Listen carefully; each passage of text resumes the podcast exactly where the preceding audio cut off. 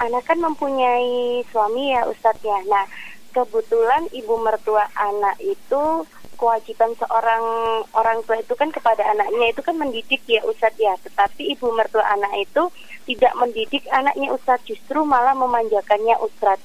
Jadi begini, uh, andai kata anak tersebut itu tidak diarahkan Ustadz. Jadi misalkan uh, masalah ngomong anak seperti itu, itu uh, mertua anak itu tidak mengarahkan Ustadz, tapi langsung uh, ditangani oleh ibu mertua anak. Yang jadi pertanyaan anak, apakah suami anak berdosa Ustadz?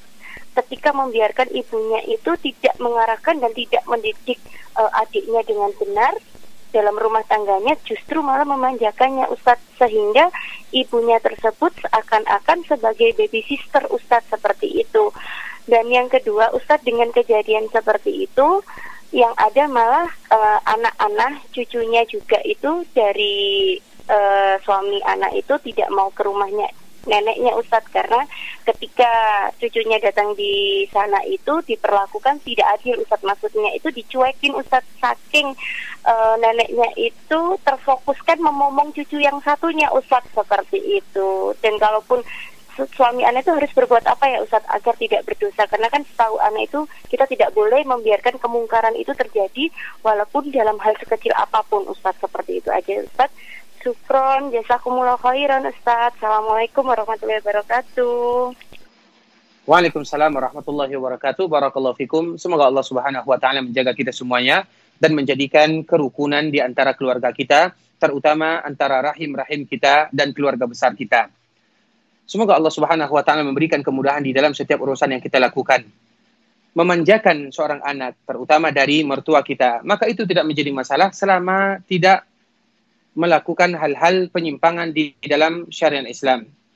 Karena pertanyaannya masih umum, yaitu memanjakan. Apabila di dalam keadaan memanjakan tersebut harus melakukan kemungkaran atau melakukan sesuatu yang mengkhilafi syariat Islam, maka kewajiban kita adalah untuk mengingatkan. Dan mengingatkan tersebut tidak mesti kita yang mengingatkan. Karena apabila kita, misalnya kita sebagai seorang menantu, atau misalnya suami kita sebagai seorang anak, bisa jadi nanti dia dimarahi oleh ibunya bisa jadi dia minta tolong kepada kakaknya yang lebih tua, atau saudaranya yang lebih tua, atau minta tolong kepada ayahnya. Jadi memberikan masukan. Apabila itu betul-betul sebuah kesalahan, memberikan masukan tersebut tidak mesti kita yang langsung memberikan, atau tidak mesti kita yang memberikan. Bisa jadi melalui perantara orang lain, karena tujuannya adalah bagaimana nasihat dan masukan tersebut bisa sampai kepada mertua kita. Baik itu dari jalan kita, apakah dari jalan suami kita, ataukah dari jalan kakak suami kita atau abangnya yang paling tua atau daripada uh, mertua kita yang laki-laki intinya bagaimana supaya informasi tersebut sampai kepada mertua kita bahwa tidak boleh melakukan yang demikian dari jalan mana saja yang penting jalan tersebut adalah jalan yang tujuannya betul-betul memberikan nasihat tanpa ada rasa tersinggung karena bagaimanapun orang tua dia paling sayang sama seperti kita tentunya kita sayang kepada anak kita, keluarga kita, cucu kita, dan yang lain sebagainya. Kemudian apabila dia lebih sayang kepada salah satu di antaranya, maka kewajiban kita untuk mengingatkan dan tidak mesti kita yang mengingatkan. Intinya, bagaimana maklumat, informasi, atau nasihat tersebut sampai kepada mertua kita dari jalur mana saja. Kalau seandainya tidak ada yang bisa memberikan dari keluarga kita masukan, maka bisa jadi kita mencari kaset-kaset seperti ustaz yang mungkin didengarkan bahasanya oleh orang tua kita tersebut atau mertua kita tersebut. Intinya bagaimana kita berusaha semaksimal mungkin untuk meluruskan kesalahan apabila itu betul-betul kesalahan yang dilakukan. Nah, kalau seandainya kita tidak sanggup, apalagi misalnya mertua kita terlanjur sayang dan melakukan sesuatu bahkan di luar daripada konsep agama, memang kewajiban kita untuk menegur atau menyebutkannya. Namun ada posisi-posisi atau ada yang disebutkan Nabi Shallallahu Alaihi Wasallam bahwa apabila kalian melihat apabila itu adalah sesuatu maksiat kemungkaran dan yang lain sebagainya, apabila dirubah bisa dirubah dengan tangan, kita rubah dengan tangan. Apabila bisa dirubah dengan mulut, kita rubah dengan mulut. Namun kadar minimal adalah mengingkari dengan hatinya kalau seandainya akan uh, memutuskan tali silaturahim.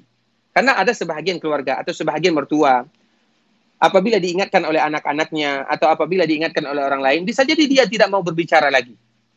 Dan di sini menyebabkan kemungkaran yang lebih besar lagi, terutama memutuskan tali satu rahim.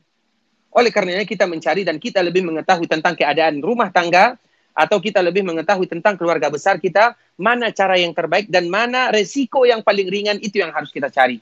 Sedangkan anak kita, anak kita ketika dia tidak mau lagi pergi ke rumah opahnya atau omahnya atau tidak mau lagi ke rumah neneknya karena mungkin dicuekin dan diperlakukan dengan tidak adil dan yang lain sebagainya, maka itu kewajiban kita sebagai orang tua mengatakan bahwa itu adalah neneknya, itu adalah ibu daripada ayahnya. Walaupun nanti dicuekin, maka mungkin kita mencari cara. Misalnya kita datang ke sana dengan tidak terlalu lama. Sehingga uh, anak kita tersebut tidak terlalu disakiti hatinya.